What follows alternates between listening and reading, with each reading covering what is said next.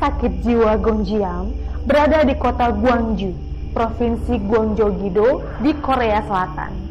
Rumah sakit jiwa tersebut berada di wilayah perbukitan dan dikelilingi oleh hutan yang lebat. Rumah sakit ini berdiri sejak pertengahan tahun 1950-an dan diisi oleh pasien dengan gangguan jiwa biasa serta para tentara yang mengalami depresi. Namun rumah sakit Gonjiam akhirnya ditutup sekitar 21 tahun yang lalu. Cerita yang terdengar, banyak pasien yang meninggal secara tidak wajar di sana.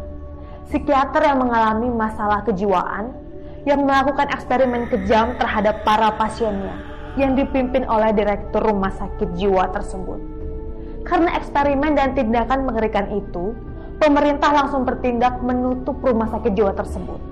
Dan pemilik rumah sakit jiwa Gonjiang melarikan diri. Terdapat pula cerita bahwa banyak pasien rumah sakit Gonjiang yang mati secara misterius. Dan arwah pasien yang gentayangan menghantui rumah sakit ini untuk balas dendam atas eksperimen kejam yang mereka terima. Bahkan situs CNN Travel menyatakan bahwa rumah sakit jiwa Gonjiam sebagai satu dari tujuh tempat paling menakutkan di dunia. Selain karena lokasinya di perbukitan dengan hutan yang lebat, kesan angker dari rumah sakit Gonjiam juga terlihat dari banyak dindingnya yang mengelupas, barang-barang yang berserakan, sampah, cermin yang tergantung, dan banyak noda yang menghiasi dinding-dinding Gonjiam. Tak ada satupun keluarga dari pasien di rumah sakit jiwa ini yang memberikan kesaksian kepada media serta orang banyak. Mereka bungkam tanpa menceritakan apa yang sebenarnya terjadi. Hal itu membuat banyak orang bertanya akan misteriusnya rumah sakit jiwa angker ini. Bahkan pemilik rumah sakit jiwa ini pergi melarikan diri dengan terburu-buru, tanpa membawa dokumen rumah sakit jiwa, serta tidak membawa dokumen para pasien. Bahkan ia juga tidak membawa barang-barangnya. Ia pergi begitu saja meninggalkan ruangan kerjanya semakin membuat kisah Gonjiam menjadi sebuah pertanyaan besar atas apa yang terjadi. Di dalam Gonjiam ditemukan mesin-mesin yang sudah berkarat, sisa obat-obatan, kasur yang kotor, dan sampah yang bertebaran di mana-mana. Ruangan yang gelap serta lembab menambah kesan angker dan menyeramkan rumah sakit jiwa Gonjiam. Kisah angkernya Gonjiam membuat seorang sutradara Korea mengangkat kisah itu ke dalam sebuah film layar lebar Korea yang berjudul Gonjiam Haunted Asylum. Film ini menceritakan tentang seorang YouTuber yang berusaha mendapatkan satu juta views dengan cara mendatangi Gonjiam untuk membuktikan kebenaran tentang cerita mengerikan rumah sakit jiwa itu.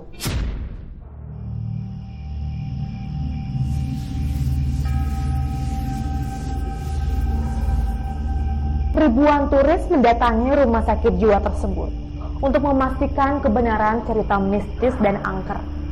Apakah benar-benar nyata atau hanya sekedar uji nyali? Walaupun di depan rumah sakit jiwa tersebut diberi tanda peringatan, dilarang masuk. Beberapa turis dan pengunjung bersaksi bahwa mereka merasakan aura mistis, penampakan hantu, serta suara-suara mengerikan di dalam gedung yang terbengkalai itu. Bahkan warga sekitar gedung angker itu bercerita bahwa mereka sering mendengar teriakan minta tolong dari pasien yang terdengar seperti sedang disiksa di rumah sakit jiwa itu. Banyak youtuber horor dan beberapa turis luar negeri yang mengunjungi rumah sakit jiwa ini secara sembunyi-sembunyi.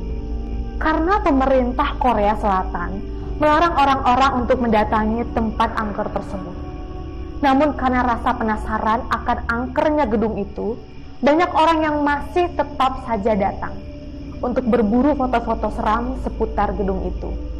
Yang membuat banyak orang merasa aneh dan bertanya-tanya adalah saat kita sedang datang mengunjungi rumah sakit jiwa tersebut, para penduduk lokal tidak mau memberitahu di mana persisnya lokasi rumah sakit jiwa Gonjiam. Para penduduk lokal memilih untuk bungkam tanpa sepatah kata pun ketika ditanya. Bahkan terkadang membohongi para pengunjung dengan memberikan alamat yang salah. Semakin membuat para pengunjung penasaran akan apa yang terjadi di dalam rumah sakit jiwa itu. Para pengunjung juga bercerita Mendadak mereka merasa merinding ketika masuk ke dalam rumah sakit Gonjiang. Penuh dengan kesan misteri, mistis, horor, diliputi suasana angker.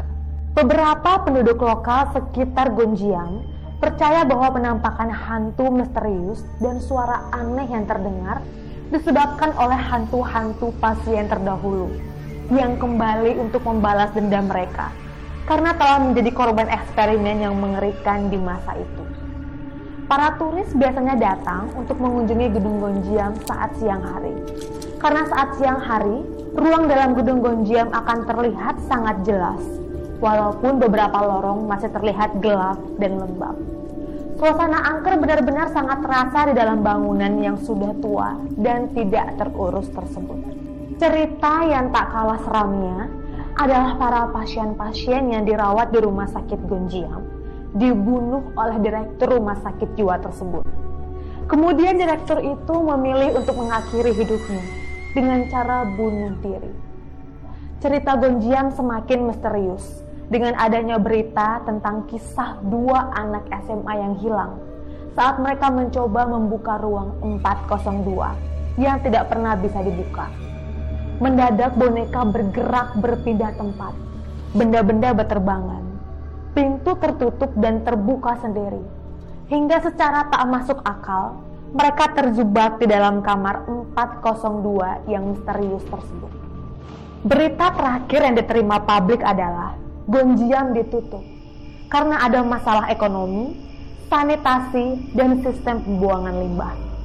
Ketika masalah tersebut semakin parah, pemilik yang memilih untuk pergi ke luar negeri dan tidak meninggalkan dokumentasi apa pun terkait bangunan tersebut.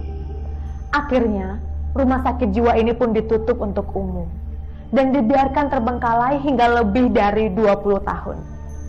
Kesaksian penduduk, pengalaman mistis yang dialami pengunjung, serta pemilik rumah sakit jiwa Gonjiam yang melarikan diri menjadi pertanyaan besar akan misteri yang benar-benar terjadi di dalam bangunan angker itu.